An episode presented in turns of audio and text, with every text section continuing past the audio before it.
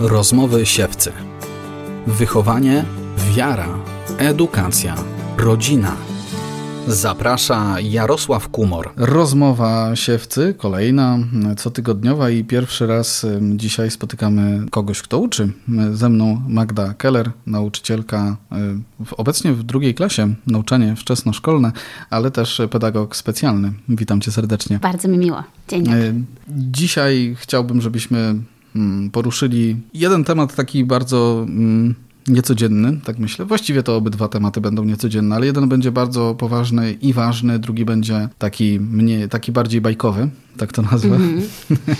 Ale znamy się z Magdą już od e, kilku lat i e, jest e, pewna historia, o której chcielibyśmy dzisiaj opowiedzieć, która dotyka rodziny. Mm, jesteśmy i rozmawiamy na portalu dla rodzin. To, to, to są takie historie, które rodziny dotykają. Ty jako na, nauczycielka, jako pedagog, masz też w swoim życiorysie razem z twoim mężem trudną historię. I od tej historii chciałbym, chciałbym zacząć.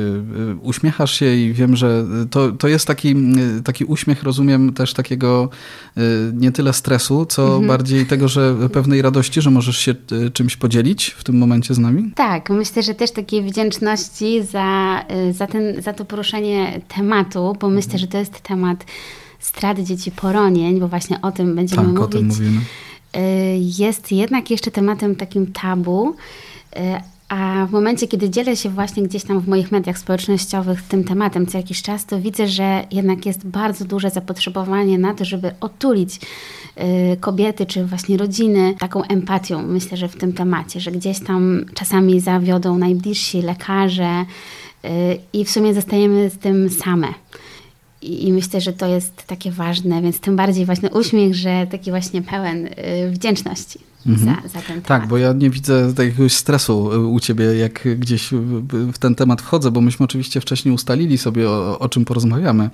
Y, natomiast często to tak jest, że przed mikrofonem to już troszeczkę taki, taki stres y, przychodzi, ale widzę, że dla ciebie to jest temat, z którym już tak łatwo ci się zdzielić. To było kilka lat temu dobre już, prawda? Jak to czasowo możemy osadzić tę historię, bo to nie jest jedna historia, prawda? To, to tak. jest trójka dzieciaczków. Tak, to są trzy różne ciąże, różne historie y, i rzeczywiście masz rację, że w momencie, kiedy zapytałbyś się mnie o ten temat świeżo po stracie, myślę, że nie miałabym zapewne uśmiechu, tylko pewnie musiałabym y, to w sobie przeżyć, y, wypłakać i, i rzeczywiście żeby tak jakby ogarnąć się. E, natomiast e, z każdym takim trudnym doświadczeniem widzę właśnie taką łaskę chwili, może tak nawet można to powiedzieć, e, właśnie do innych osób, zwłaszcza obcych, gdzie można czasem zupełnie nie planując tego komuś pomóc. Mhm. A dużo czasu już minęło od tego zdarzenia pierwszego? Tak, od pierwszego bardzo dużo. Jesteśmy po ślubie 12 lat w czerwcu właśnie nam stuknęło, że tak mhm. powiem. I e, pierwsza ciąża była po dwóch latach naszego ślubu. Następna była tak po półtora roku i ta trzecia, ostatnia była najświeższa, czyli w zasadzie tak dwa lata temu. Mhm. Więc, czy dwa i pół. I obydwie, i dwie ciąże były w zimie. Y, jedna była bardziej tak w połowie roku, więc y, dlatego mówię o tej zimie, bo tak się kojarzy grudzień, tak bardzo nie chcę powiedzieć fancy, ale tak bardzo. Tak, mhm. Tak, więc to był taki dla mnie tym bardziej trudny czas. E, bo właśnie wszędzie te kolorowe wystawy. Znaczy ja w ogóle jestem kolorowym człowiekiem, optymistycznym, ale rzeczywiście, kiedy wali ci się świat, kiedy mm, coś się dzieje, czego no, nie spodziewasz się do końca, no to przestają być kolorowe te wystawy, radość i, i starasz się cieszyć oczywiście Bożym Narodzeniem, natomiast gdzieś tam w Twoim domu, w tych czterech ścianach, gdzieś tam tej, tą radość ciężko wykrzesać. Absolutnie wyobrażam, że próbuję sobie to wyobrazić, bo rzeczywiście to tak za, przyszła mi też ta myśl, kiedy mówiłaś, że pierwsze dwie y, ciąże były zimą, potem kolejna w połowie roku i y, dlaczego właściwie o tym mówi? To jest tak, to, to, rzeczywiście teraz, kiedy też tak wyobrażam sobie radosny czas, po mhm. prostu tak. Oczekiwania, tak, nie? Na, na... nie? Pana I tak, Jezusa. tak. Z jednej, dobrze, ja, ja tak wychodzę od tego takiego nawet komercyjnego wymiaru, nie? Te, te całej takiej radości i tak dalej. To, to, też, to też jakoś tak wpływa, myślę, na, na nas wtedy w grudniu. A druga sprawa właśnie to, to ten bardziej taki duszpasterski wymiar, tak bym to nazwał, nie? Y, I tego takiego osobi osobistej relacji z Panem Bogiem, oczekiwania na, na Jego przyjście, na, na wcielenie tutaj i, i, i tego typu historia. To, to musiało być takie mm, rozrywające serce? Bardzo, bardzo to ładnie ująłeś. Mhm. Y, tak, zwłaszcza, że też w grudniu mam urodziny. Mhm. I dlaczego znowu ta data jest ważna? Dlatego, że ta druga ciąża, która była najbardziej książkowa, w zasadzie nie miałam żadnych leków na podtrzymanie ciąży, nawet mam takie najbardziej zbliżone USG z tym maleństwem właśnie y, takie, że w zasadzie USG to takie 12-13 tydzień miało być właśnie w mojej urodziny bo lekarz był tak pewien, że właśnie wszystko jest dobrze, bo było dobrze. Natomiast niestety, no właśnie w te urodziny świat mi się rozsypał. I w momencie, kiedy inaczej miał wyglądać ten dzień i musisz później odkręcać wszystko, no to było bardzo trudne. Bardzo trudne. Ale tutaj też spotkałam bardzo miłą panią doktor, która zorientowała się, że właśnie wypisując dokumenty, że właśnie na sorze, że to tak nie powinien wyglądać ten dzień. I nawet kiedy nie, po, nie powinnam napić się wody przed zabiegiem, to jednak mi podała, wiecie, wiesz, to jest taki, taki, taki ludzki, taki ludzki odruch, kiedy już wiedziała, że zaraz albo zemdleję z tego bólu i z tego wykrwawienia, więc lepiej podać raczej tą szklankę i taki, taki, tak, tak. taki ludzkie serce, nie? Taki jakby odruch bardzo matczyny, kobiecy, więc też nie mam już mamy, więc się tak zawsze widzę też, że pozytywnie mm -hmm. czasami mamy w takich sytuacjach, że właśnie gdzieś tam mi podsyła takich aniołów. No właśnie, tak, tak. No, chyba to wsparcie drugiego człowieka jest tutaj kluczowe. Ty no, byłaś akurat w tym położeniu osoby, która potrzebowała tego wsparcia, musiała je, musiała je dostać.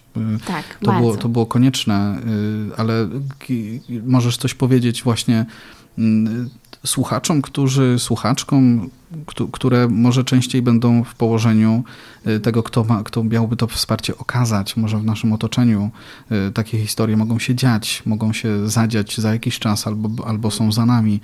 Nie? I, I czego właśnie potrzeba, y, żeby to wsparcie okazać? Mm, tak, to jest bardzo mądre pytanie, bo rzeczywiście. Mm, to wiesz, no, cze, czego potrzebuje osoba, która doświadcza takiego, takiego bólu, tej straty. Nie? Mhm.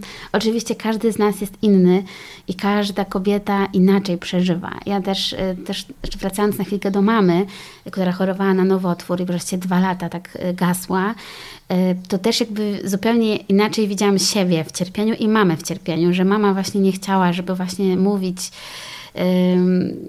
nawet jak pacjenci chcieli właśnie ją pozdrowić, to już absolutnie nie, nie chciała, więc takie miała, że takie wchodzenie troszkę, wiesz, z, z butami w nasze życie, mhm. że gdzieś tam kupuję bułki, jakiś pacjent się mnie pyta, gdzie ja? Optymista. Myślałam, no fajnie, miło, że jakiś pacjent się pyta. E, no ale widziałam, że to mamy przerastało, że nie chciała mówić o tym. A ja z kolei mam odwrotnie, że właśnie uważam, że jakby coś, co mnie spotyka i mam siłę o tym mówić i mogę komuś pomóc, to, to, to trzeba to robić, warto. Y, I właśnie też przez to, że o tym mówiłam, y, zauważyłam, że to właśnie są różne kobiety, które jedne właśnie w zasadzie chcą same przeżyć w swojej rodzinie, w sobie i nie potrzebują tutaj jakichś meetingów, spotkań i, i jakoś tak na siłę o tym rozmawiać, ale są właśnie kobiety, które nie mają takich osób i które właśnie potrzebują nawet tej obcej y, osoby, która przeszła to samo. Y, wiadomo, że może być inny etap ciąży, wszystko, ale jakby to cierpienie, że jesteś mamą i właściwie jesteś czy nie jesteś tą mamą, nie jak tracisz. E, więc to jest takie umacniające, żeby, mm, żeby właśnie te kobiety, e, które potrzebują, żeby ich, tego wsparcia, żeby na pewno nie mówić takich, takich sztandarowych, standardowych tekstów w stylu pewnie było chore, y, to chyba nie chciałabyś mieć chorego. No, spotkałam się z różnymi takimi tekstami od koleżanek, czy ja sama tego doświadczyłam. A może to przez kłótnię, że pokłóciłaś się z mężem, więc po, w pamiętniczku sprawdź, czy na pewno. Y, I to jest takie bardzo obciążające, bo myślę, że każda z kobiet, która nosiła pod sercem, czy przez parę tygodni, czy przez kilkanaście, czy przez dziewięć miesięcy to jakby już przyzwyczaja się do tej roli, y, jakby no, zupełnie to inaczej. Ten mózg funkcjonuje, hormony funkcjonują, więc, więc tym bardziej y, potrzebne jest to wsparcie. Nawet zwykłe, nie wiem jak ci pomóc, ale jestem przy tobie, jest o wiele bardziej umacniające niż takie sztuczne wymyślanie powodów albo z kolei odhaczenie, że daj spokój, ludzie mają gorzej, takie pejoratywne. To pewnie często wynika z tego, że y, nawet ta druga strona nie ma złych intencji, nie? Tylko tak, tak, chce, właśnie. chce, chce co, cokolwiek powiedzieć, no nie trzeba wie coś... jak. Nieraz Próbuj. rozumiem, że po prostu nie, nie ma sensu nawet nic mówić. Po prostu tylko być. Tak, nie? Właśnie. Obok. Albo właśnie to nie wiem. Myślę, że to jest takie bardzo uwalniające i otwierające. Mhm. Albo powiedzieć, nie wiem jak ci pomóc, ale jeżeli masz y, pomysł albo wiesz, jaki jest twój język miłości, no to ja jestem tutaj i tylko mi powiedz. Czy może chcesz wyjechać na weekend, spędzić czas, czas nad jeziorem, będę z tobą. Mhm. A może nie chcesz w ogóle o tym rozmawiać, ale chcesz, żebym była obok. Okej. Y, Czy właśnie jakieś takie inne, bo czasami właśnie tak jak mówisz, mamy dobre chęci nawet, że chcemy wesprzeć być i, i często jest taka pułapka, że myślimy nad sobą, co nam by się przydało. Tak jak trochę z prezentami, że kupujesz jakoś prezent, ale y, w zasadzie na początku myślisz trochę o sobie, bo to mi się podoba, no to wezmę, a potem dopiero, nie no zaraz, to jest dla tej osoby.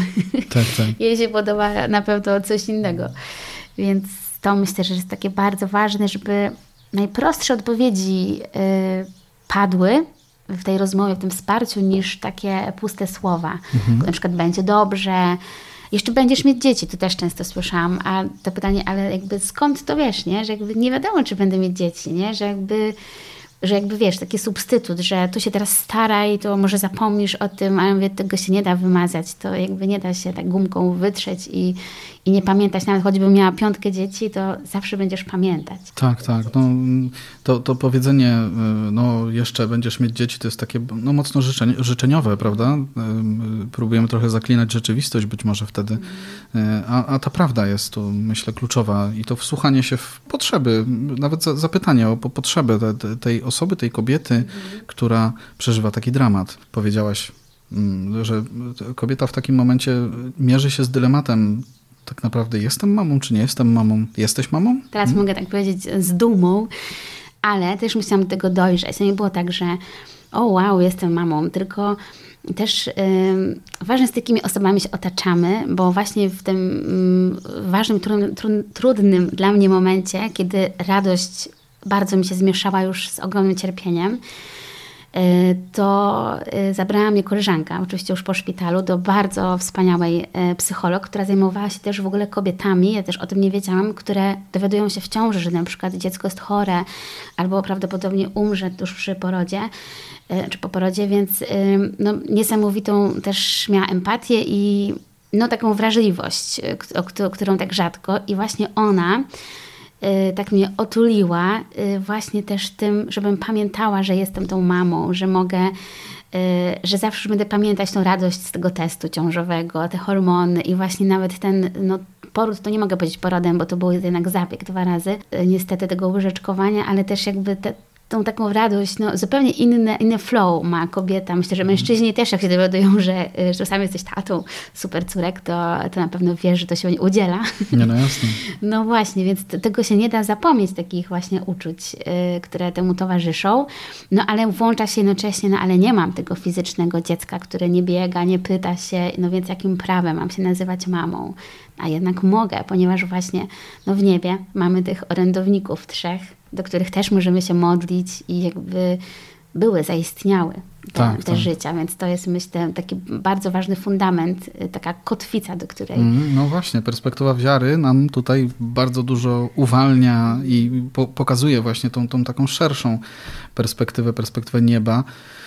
A, słyszałem, że nadaliście imiona w ogóle Tak. waszym dzieciom, prawda? To, co to za imiona? Tak, Maksymilian, Matylda i Marcelina. Tak zupełnie później przypadkiem już ta M, trzy Tak. razy M, ale jakoś tak miał to związek właśnie z różnymi świętymi, a Matylda to tak jakoś y, pomiędzy, ale zwłaszcza Marcelina Darowska, która tak bardzo też ją tak sentymentalnie kojarzy z Szymanowa, bo często tam jeszcze na reko- rekolekcje i Maksymilian, no bo tej mąż jest w drodze odważnych, więc y, na drodze lwa, więc Tak jest, Maksymilian Kolbe jest, jest patronem tej, tej inicjatywy.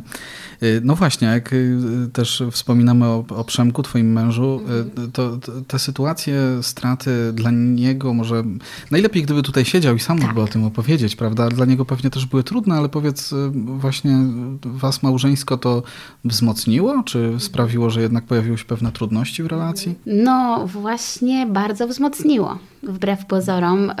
Rozbijamy się o mniejsze rzeczy, a natomiast takie, takie właśnie naprawdę rzeczy, które wiem, że mogą rzeczywiście stworzyć jakiś duży kryzys, e, to faktycznie te straty nas e, połączyły bardziej. E, natomiast z tym przeżywaniem to rzeczywiście mój mąż nie lubi o tym mówić i też to oczywiście szanuję.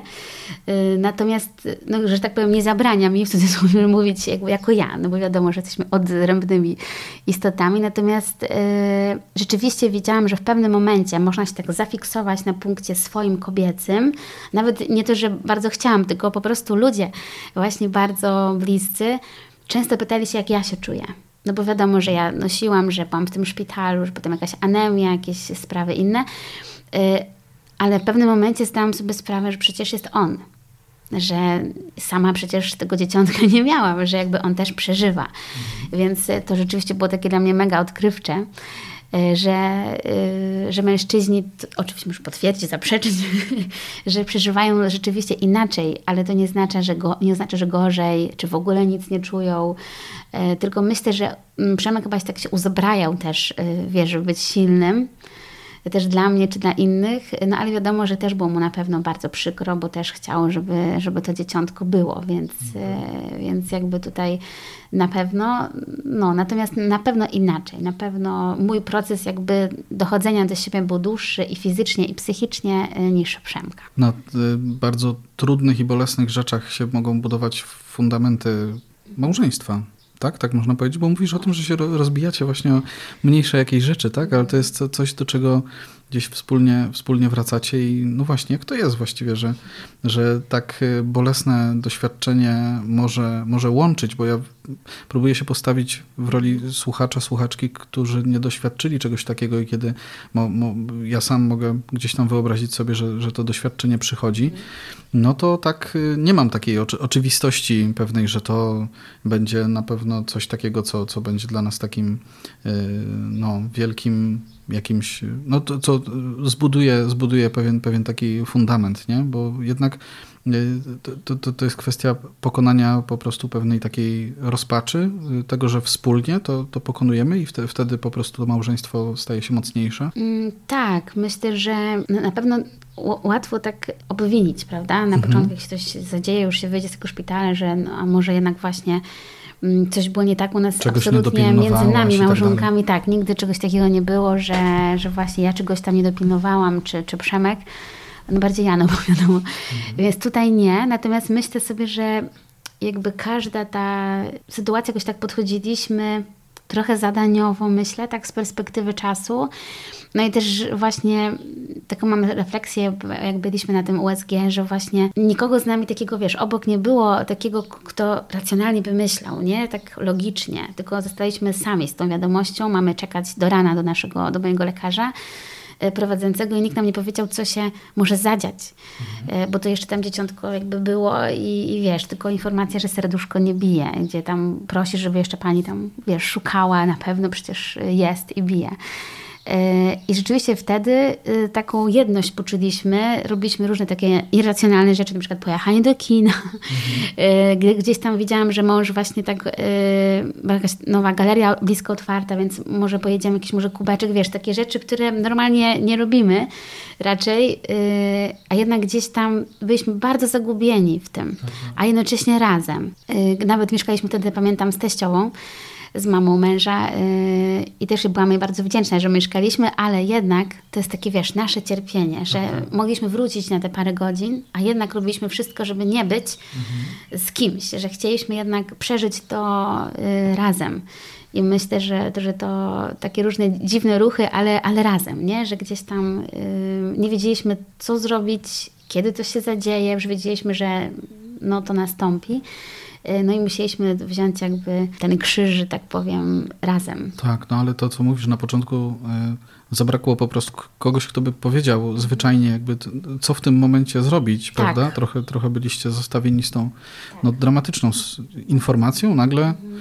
właściwie bez, bez żadnej pomocy. Mhm. Tak, no niesamowite, trudne, niesamowicie, no takie trudne po prostu. I to też, mhm. tak przerwę, przepraszam, też tak to pomaga właśnie a propos tych małych rzeczy, że czasami mamy taką stop klatkę, że tak powiem, jak się już rozkręcimy w tych y, mniejszych rzeczach, że właśnie y, no najczęściej ja mówię gdzieś tam, że jak to jest, to właśnie retoryczne pytanie, że w trudnych rzeczach jesteśmy teamem, a w jakichś takich, które wydawałoby się, że można nad tym popracować, to gdzieś że tam się rozbijamy. Tak? tak, no mhm. właśnie. I wtedy to jest taki właśnie taki hamulec, taki stop, taka refleksja, nie? Że, yy, żeby jednak się zatrzymać z jakimiś słowami, które się powie, potem się żałuje, czy z jakimiś tam czynami, czy innymi rzeczami. No więc myślę, że, że, że to nas gdzieś tam yy, przywołuje nas w, tak, w takim dobrym znaczeniu, że gdzieś tam te dobre, znaczy te złe sytuacje no, są takim naszym, trochę taką latarnią, można powiedzieć, morską, yy,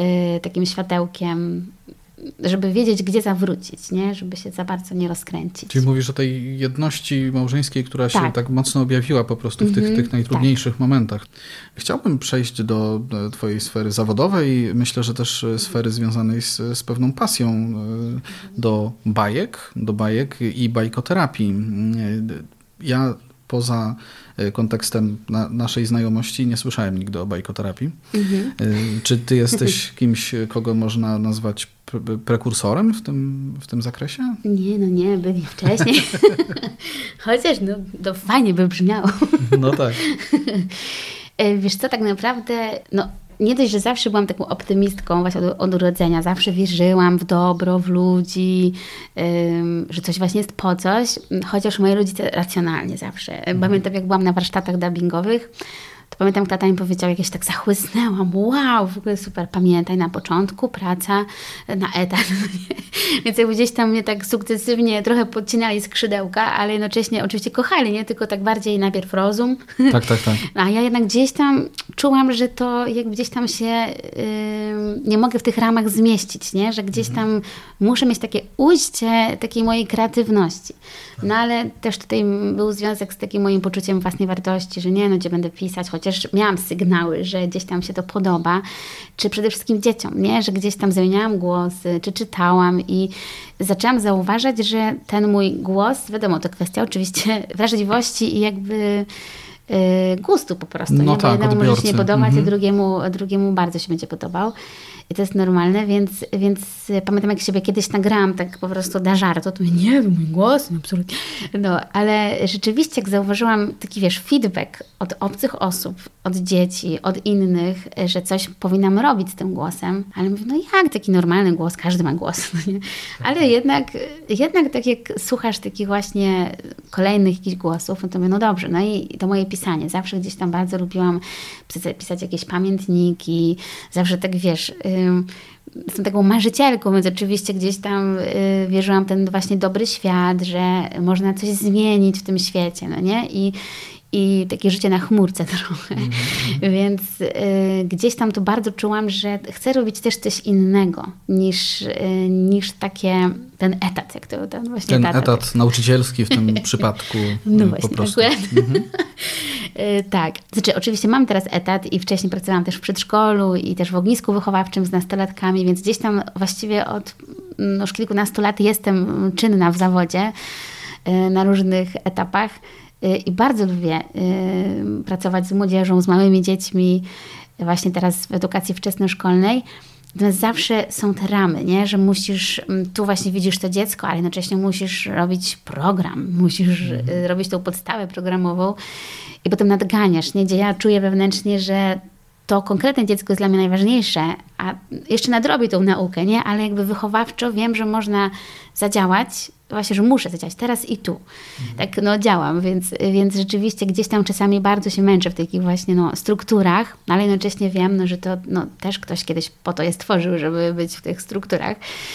No i może też dlatego te bajki są taką moją odskocznią, które też no, zaczęłam pisać właśnie po drugiej stracie maleństwa, tak mocniej.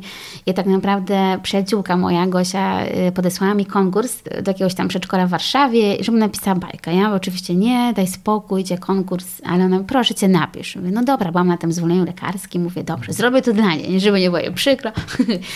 No i okazało się, że napisałam bajkę o porządku. No ci, co mnie znają, to wiedzą, że, że no różnie to bywa z tym moim porządkiem. Tak, ci co znają to wiedzą, tak. Mhm. Potwierdzasz. Ostatnio nawet zakupiłam plecak, żeby już nie było, że biorę pięć toreb na trzy dni z dziećmi, na przykład, tak, bo tak. na Sylwestra. Więc tak, no takie, to, takie żarciki, ale rzeczywiście gdzieś tam, no właśnie z tego domu, wiesz, tu uporządkowanego, jednocześnie no tak pamiętam, nie, że gdzieś tam wychodzenie na ostatnią chwilę z domu, czy właśnie takie, e, ten taki bałagan twórczy, nie, że gdzieś tam nie robiłam jak mama mi tam robiła porządek, bo ja wiedziałam, gdzie co mam, a z drugiej strony jak ktoś tak by wszedł nagle, no to powiedziałby no Armagedon, nie, więc jakby e, no i właśnie powstała bajka o porządku. To była pierwsza? Pierwsza, tak? Mhm. tak, która właśnie, którą był chłopczyk, który podsłuchał, e, podsłuchał rozmowę zabawek, jak one właśnie chwalą e, też tego swojego chłopczyka, więc nawet kwiaty pochwalił. E, także faktycznie, no i wysłałam, zgłosiłam tą bajkę i okazało się, że ona w ogóle wygrała. A co najlepsze, jury były dziećmi. E, jury były, dobrze powiedziałam logicznie? Jury to? Tak, to były dzieci, po tak, prostu. O, dziękuję, mhm. właśnie. I to takie było budujące, że właśnie, że to one, nie? Że gdzieś tam było ileś tam tych bajek i była czytana i to nie był żaden audiobook, jeszcze tylko po prostu w PDF-ie wysłałam bajkę, więc nawet nie mogłam włożyć, wiesz, emocji czy tam serca, tak, tak namacalnie. E, I to mi trochę dodało skrzydeł, ale nadal, nadal nie wierzyłam, jednak wiesz, nie, żeby coś dalej z tym zrobić, takiego mhm. trochę większego. No ale tutaj były różne akcje w przedszkolu, to ktoś mi poprosił o bajkę właśnie związaną z autyzmem, tutaj um, jakąś zupełnie o przyjaźni, no nie, więc i pisałam, i chowałam do szuflady Aha. dla kogoś, ale w pewnym momencie no, jak zorganizowałam taki cały miesiąc y, właśnie świadomości autyzmu właśnie w przedszkolu, to z koleżanką to, y, to tak poczułam takiego bluesa, że, że lubię to, że rzeczywiście to działa. Bajka, warsztat, do tego jakaś praca plastyczna albo jakaś tam drama i, i dzieci naprawdę się otwierają yy, i można naprawdę przepracować z nimi pewne emocje, wytłumaczyć, że emocje są ważne. Myślę, że jest też taki stereotyp, że właśnie tak nie chcę mówić, że chłopcy nie płaczą, a dziewczynki muszą być takie ułożone, bo to jest też bardzo krzywdzące, bo, bo, bo jednak chłopcy też płaczą i jakby to jest też takie dobre z jednej strony, że wiedzą, że te łzy są różne. Są łzy z radości, łzy ze smutku i tak samo dziewczynki. E, więc oswajałam podczas właśnie, czy oswajam podczas bajkoterapii właśnie emocje, żeby dzieci wiedziały, że każda z nich jest potrzebna i coś nam mówi o czymś, dlaczego akurat to nas zdenerwowało, dlaczego to nas ucieszyło, więc no bardzo, bardzo się odnajduję w tej, y, w tej roli. I jeszcze oczywiście jestem po kursie takim bajkoterapeutycznym, mhm. gdzie właśnie też dostałam takie kwalifikacje, żeby właśnie oczywiście y, dzieci y, dobrze uczyć i też możemy napisać własną, własną bajkę. Także to jest takie, takie inne, inne niż takie zwykłe czytanie tak. bajek. Y, wrócę jeszcze do, y, do mm, tych y, takich trudnych momentów, o których rozmawialiśmy na początku, bo mm, powstała też bajka o właśnie stracie, prawda? Mm -hmm. Możesz powiedzieć coś więcej o tej bajce? Yy, tak. Yy, bajka yy, jest o śmierci. Mówisz o tej, prawda? O, o śmierci, -hmm. która właśnie będzie na wakacje. Y, I rzeczywiście też takie trudne tematy poruszam podczas bajek, bo zdaję sobie sprawę, że czasami y, rodzice y, nie wiedzą na przykład, jak poradzić sobie, tak? Na przykład umiera rodzic i nie dość, że my jako dorośli mamy z tym problem, bo tęsknimy. Czyli dziecku umiera dziadek, tak, babcia, prawda? Tak, mhm. właśnie. I, I, jak jemu właśnie przedstawić to, jak zacząć ten temat. I często ta bajka może być taką trampoliną do, do rozmowy, Oczywiście nie przed snem może, chociaż to też zależy od dziecka, mhm. E, ale myślę, że takim może być bardzo takim spokojnym, bezpiecznym, takim preludium do tego e, właśnie, co się stało. I myślę, że też niezatajanie przed dziećmi rzeczywistości. Myślę, że jest bardzo ważne. Oczywiście nie mówię, że mówić szczegóły dzieciom, jak babcia bardzo choruje, czy w ogóle z detalami, ale na pewno uważam, że w takim temacie nie, nie, nie, nie wolno mówić dzieciom na przykład, że babcia wyjechała, dziadek zasnął, no tak, tak. bo dzieci jednak to interpretują po prostu tak jak mówimy i ja, raczej jak zasypiamy, to raczej w większości się budzimy, jak wyjeżdżamy, to wracamy. Więc tutaj myślę, że jest taka bardzo duża pułapka. Jak rozmawiałam z rodzicami, to rzeczywiście tak się działo, że tak chcieli przyspieszyć i tak po prostu mówili i dzieci oczekiwały, że, mhm. że, wró- że wróci babcia, dziadek, czy jakaś ukochana ciocia, czy wujek. Więc dlatego też ta bajka y, właśnie powstała. I tam jest też właśnie y, taka radosna postać, która, też zwierzątko, które właśnie gdzieś tam właśnie nieumiejętnie sobie radzi z tymi emocjami, próbuje rozśmieszyć y, Jerzyka, ale to nie udaje się, ale też z tej niewiedzy.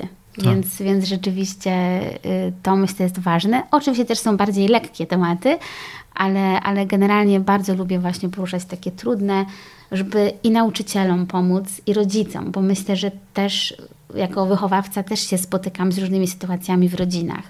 Czy niestety rozstanie rodziców, mhm. czy jakiś tam duży kryzys, czy przez chwilę wychowuje babcia na przykład, nie? Więc jakby tutaj też jest ważne, żebyśmy my jako wychowawcy byli czujni i uważni i mieli jakieś narzędzie, którym możemy zadziałać. A bajkę zawsze można po tą podstawę programową gdzieś tam y, włączyć jako, jako takie narzędzie bardzo pomocne. No tak, takie mm, dostosowane do jakiejś konkretnej sytuacji, konkretnego mhm. dziecka, prawda?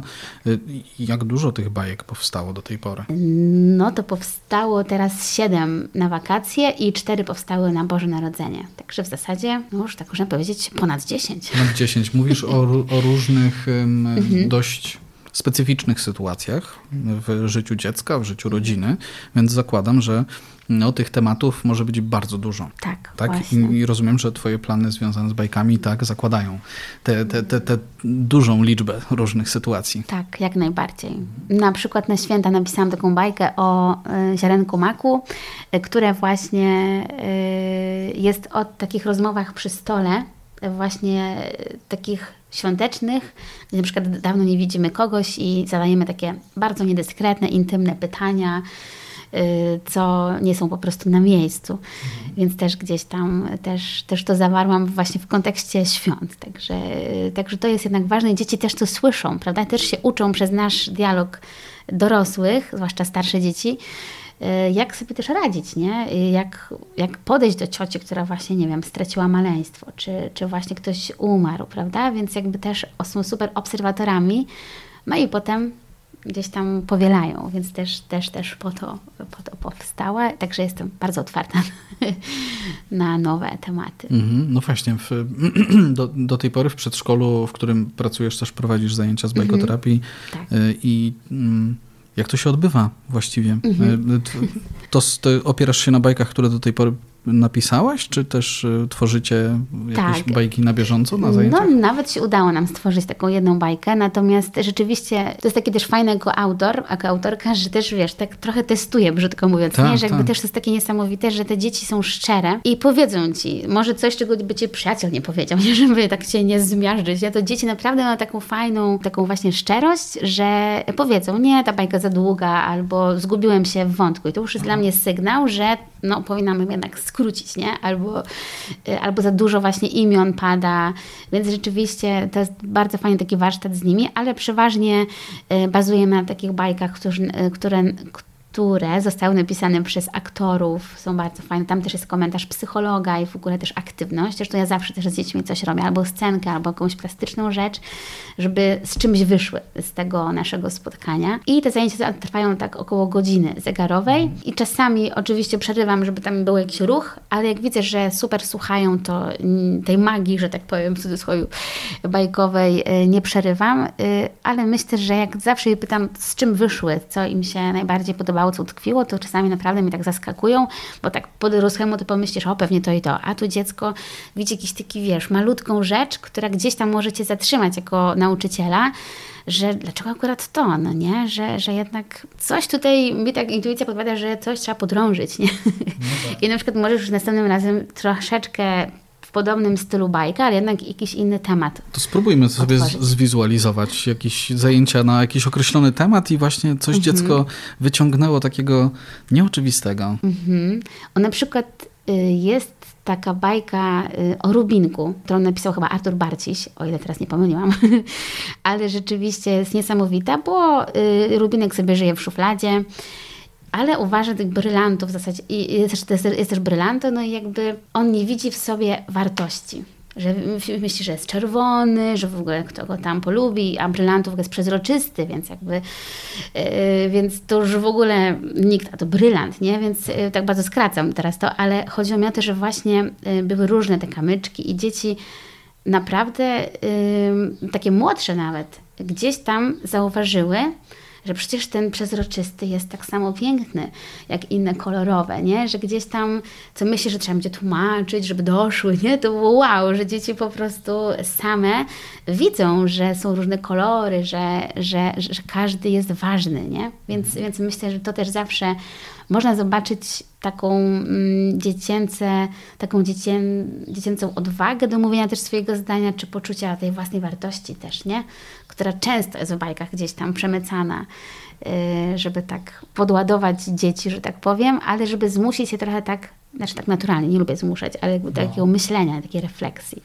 Dlaczego? To poczucie własnej wartości, które wynika z tej bajki o Rubinku, jest dla mnie tematem, który ja bym chętnie y, przy nim się zatrzymał, bo dzieci, nie wiem czy też tak uważasz, no, jako specjalistka, jest tak, że chyba, że dzieci to poczucie własnej wartości w sposób natu- naturalny mają na normalnym poziomie po prostu.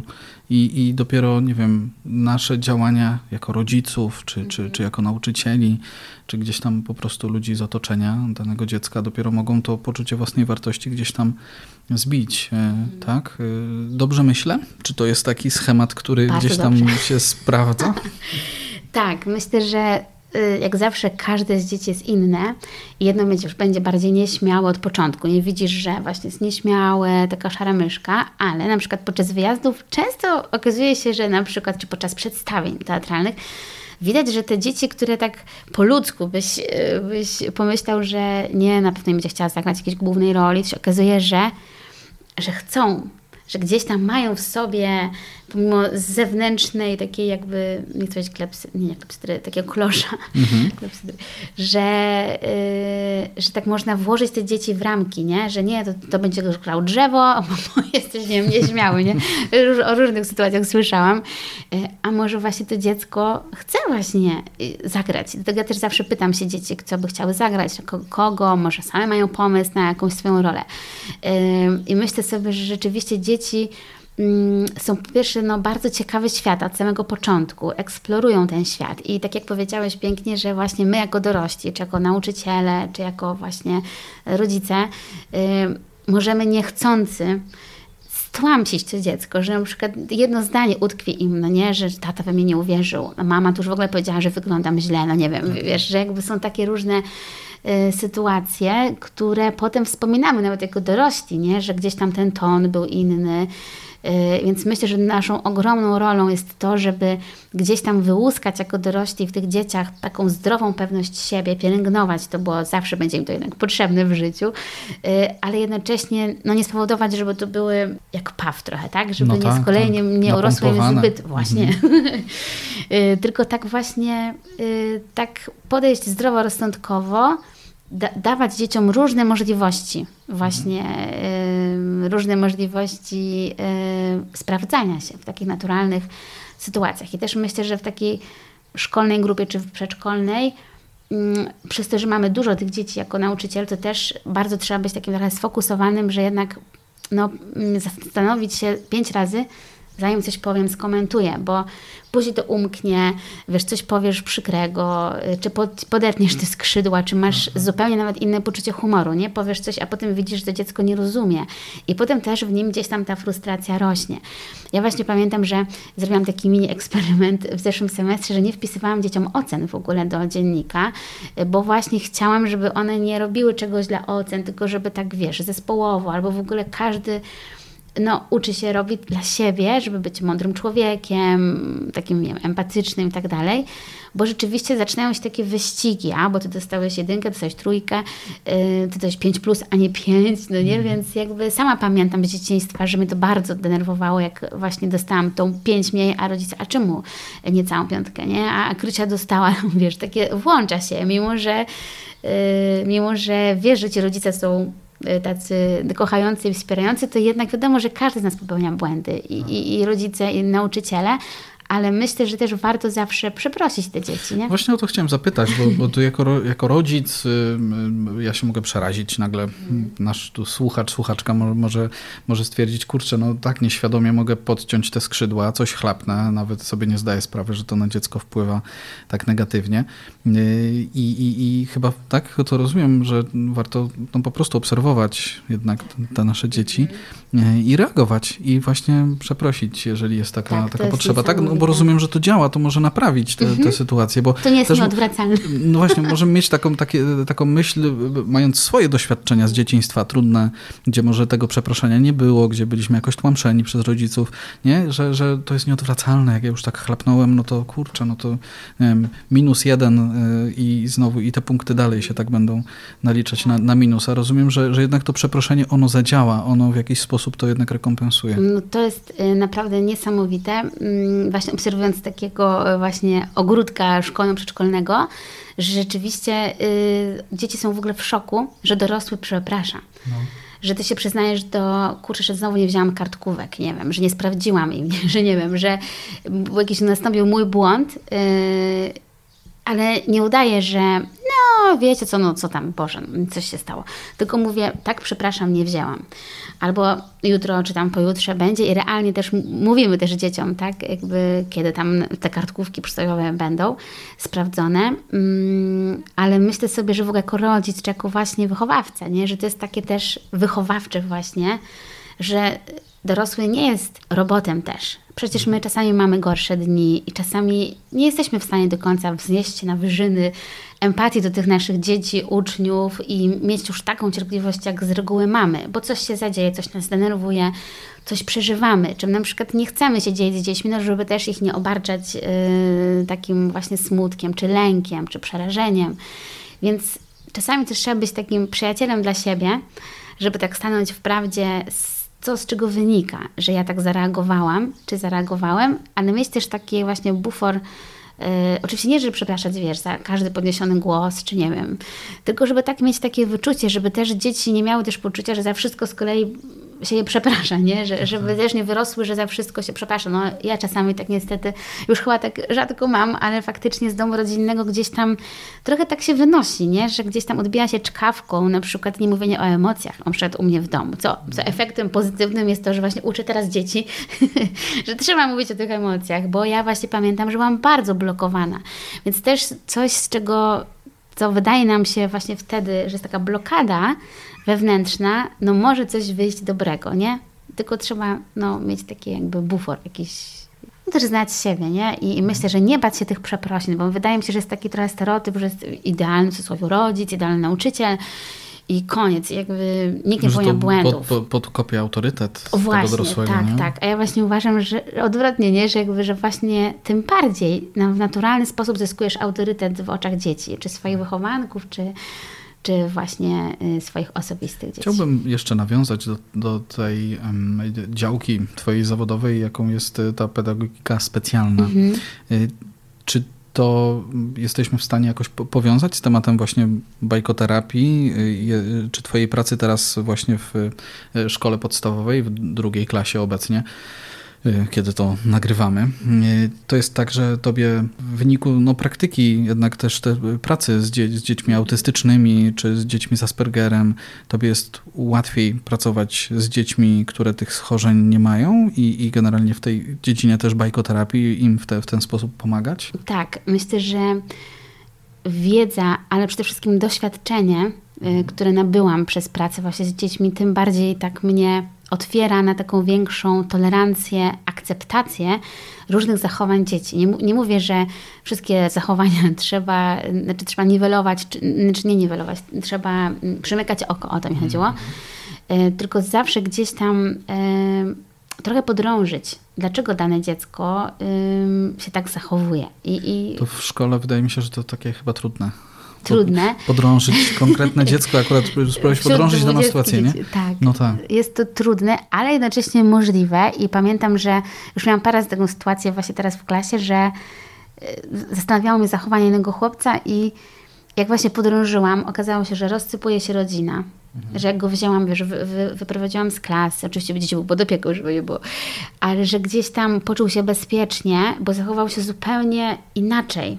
E, I to mnie bardzo zastanowiło, skąd to się bierze. Y, wiedziałam, że coś tam się dzieje w rodzinie, ale nie, akurat to był ten dzień, w którym na przykład rodzina się, wiedziałam, że na przykład mama z tatą są właśnie teraz na y, rozprawie y, rozwodowej i to mhm. dziecko bardzo to przeżywało, mimo że go tam nie było. I teraz Dzieci mogłabym to wiesz. Tak, chyba, tak, prawda? Tak, to, to, to jest właśnie. chyba taka naturalna reakcja. Tak, tak, tak. I, i dlatego ono było takie trochę sparaliżowane, trochę takie zupełnie nieobecne i dopiero jak powiedziało, co się dzieje, ja go tam przytuliłam, powiedziałam, że no niestety takie rzeczy się dzieją, yy, ale wiesz, że zawsze możesz tu liczyć yy, i jakby no to było niesamowite, że wystarczyło otworzyć, yy, wiesz, jakby to dzieciątko, to serce i wystarczyło, że on po prostu się wygadał, tak, tak my kobiety chyba tak mamy, i od razu był trochę odmieniony, nie? że, że, że jakby właśnie trzeba, no, no ja się staram, wiadomo, no nie jest to idealne, ale staram się być taka czujna na różne takie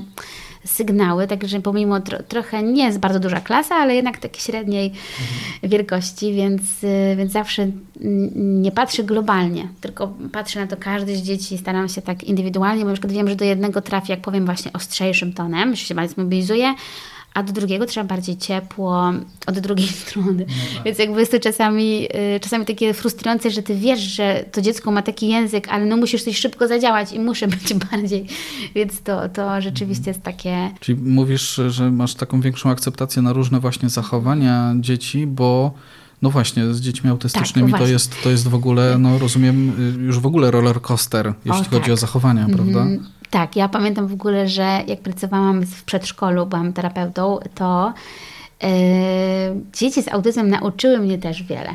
No tak. Że gdzieś tam y, jesteś po Bo tych Ja powiedziałem o tym rollercoasterze, oczywiście, broń Boże, w żadnym negatywnym tonie, prawda? Bo, bo to, to, to po prostu dla osoby zupełnie takiej niedoświadczonej nie, w, w obcowaniu z dziećmi z autyzmem czy z Aspergerem, to może być y, odpychające, znaczy bardziej też może no, taki cienki lód, mm -hmm. po mhm. którym się stąpa, nie? Kiedy, kiedy wchodzi się może w, jak, w jakiś kontakt z dzieckiem, które ma takie, takie schorzenie. No tak, to prawda. Ym, powiem Ci, Iwan, że rzeczywiście to też bardzo niesamowitą rolę odegrała moja była pani dyrektor. Ja byłam świeżo po studiach właśnie z wczesnej interwencji, z pomocy właśnie dzieciom z autyzmem. Nawet jeszcze nie miałam dyplomu, a siostra, no siostra, nie siostra, tylko pani dyrektor, yy, od razu mi dała dwójkę dzieci. Ja mówię, nie, nie, chwileczkę, ja nie mam takiego doświadczenia z autyzmem, w ogóle jeszcze skrzywdzę te dzieci. No ale tak. pani dyrektor gdzieś tam ufała, mówię, skrzywdzisz? No nie skrzywdzisz, po prostu zajmij się nimi, po prostu. Więc ja, wiesz, stres, no jak. Ale rzeczywiście gdzieś tam intuicyjnie czułam, że okej, okay, te podręczniki, wiedza, ale to jest żywy człowiek. I ja go poznaję i... Yy, czasami nawet udało mi się przełamać różne stereotypy, które na przykład y, poczucie humoru, że autystycy na przykład nie mają, oczywiście zawsze zależy od, wiadomo, człowieka.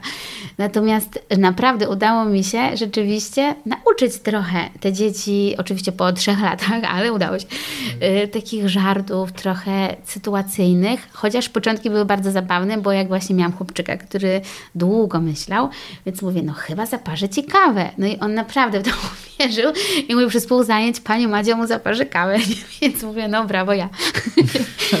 więc po prostu, więc naprawdę fajne były takie momenty, które były bardzo rozwojowe.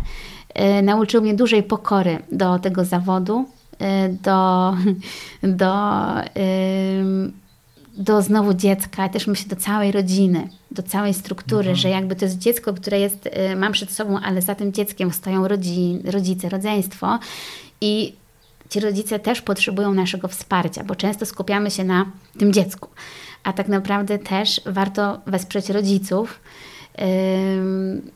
że oni też mogą wiele, że też, żeby zobaczyć w tym dziecku pozytywy, bo myślę, że często skupiamy się na tych negatywach, że to nie wychodzi, tam to nie wychodzi, proszę jeszcze zapisać tutaj na te zajęcia, a każde z tych dzieci ma na pewno do znalezienia choćby jeden plus, choćby mm, coś ich mocną stronę. I, I to rzeczywiście jest niesamowite. Ale mówisz teraz o dzieciach tych y, w ramach, w ramach właśnie tak. tak, pedagogiki tak specjalnej. Mhm. Natomiast brzmi to, jakbyś właściwie mówiła o każdym dziecku innym. O, tak, takie mam poczucie. No bo, to bardzo miłe.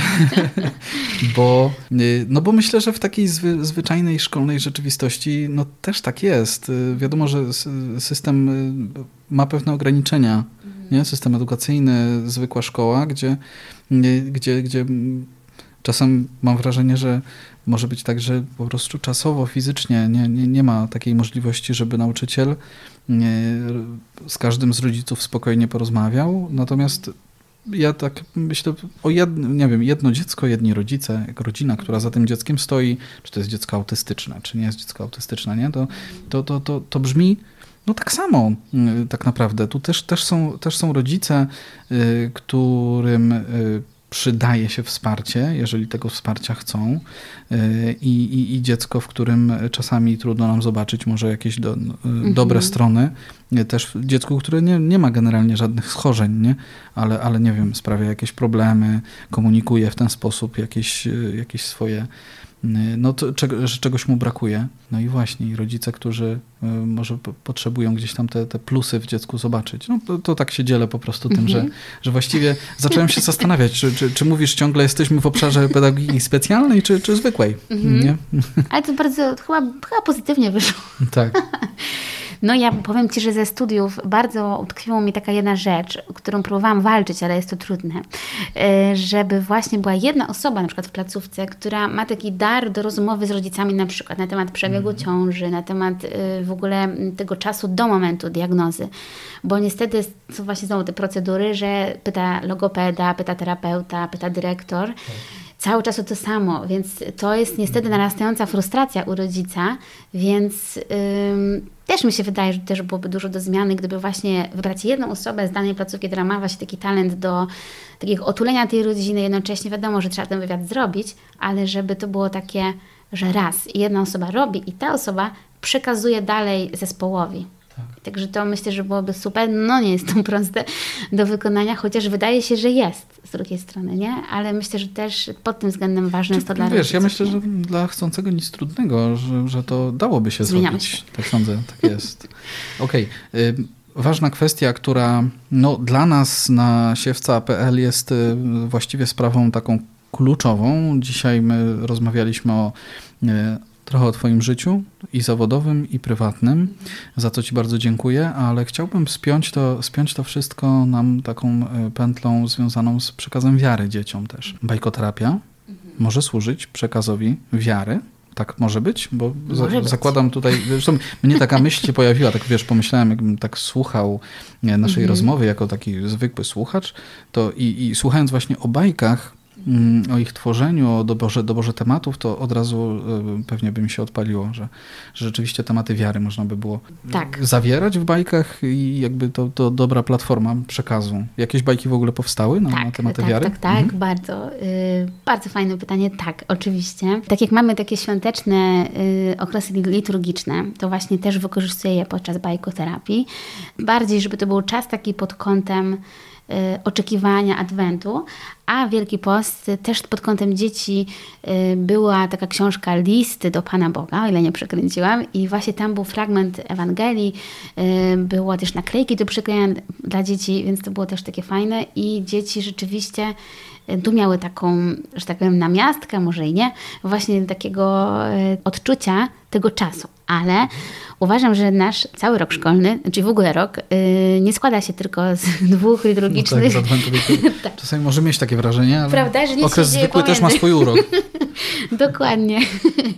I ten czas zwykły też jest super, yy, też jest potrzebny. No i yy, wtedy właśnie przemycam yy, czasami dzieciom yy, takie książki autorstwa Maxa Lucado. One są takie bardzo cieniutkie i one właśnie są o Panu Jezusie e, właśnie, ale wiesz, taki w taki ciekawy sposób i to nie jest za długie, nie jest za krótkie. Dzieci też rozumieją na przykład jak, że każdy na przykład z nich jest ważny, wyjątkowy. Na przykład jedna była taka fajna bajka o takim kapeluszniku, że każdy chciał zrobić z chłopczyka kogoś pod siebie, i to było takie śmieszne trochę, ale jednocześnie był efekt taki, że dzieci zrozumiały, że warto właśnie być sobą, że każdy ma talent do czegoś innego, czy wręcz była inna bajka tego autora, że właśnie Pan Bóg daje nam talenty. Każdy może, nie wiem, danej rodzinie na przykład, tak, pomóc, yy, akurat w tej bajce tak było, ponieważ jeden świetnie gotuje, drugi ma jakąś taką empatię, więc może tak ma taki dar do rozmów.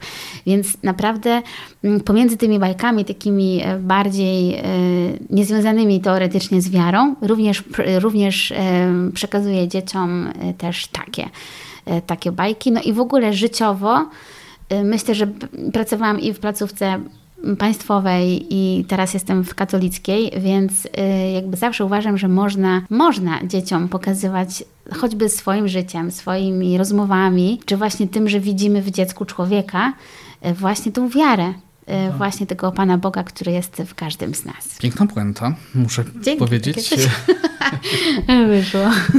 To była rozmowa, w ramach której, kochani, mogliście też poznać Magdę, mm, która jest jedną z autorek mm, tekstów na naszym portalu, więc to e, też myślę taki dodatkowy plus tej rozmowy. E, kochani, życzymy Wam dobrego tygodnia. Słyszymy się w kolejną sobotę, w kolejnym e, podcaście. Dziękuję bardzo Tobie, Madziu, za.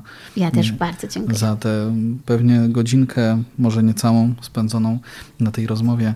E, naszym gościem dzisiaj była Magda Keller, e, nauczycielka, pedagog specjalny, jedna z autorek portalu siewca.pl. Dzięki. Dzięki bardzo.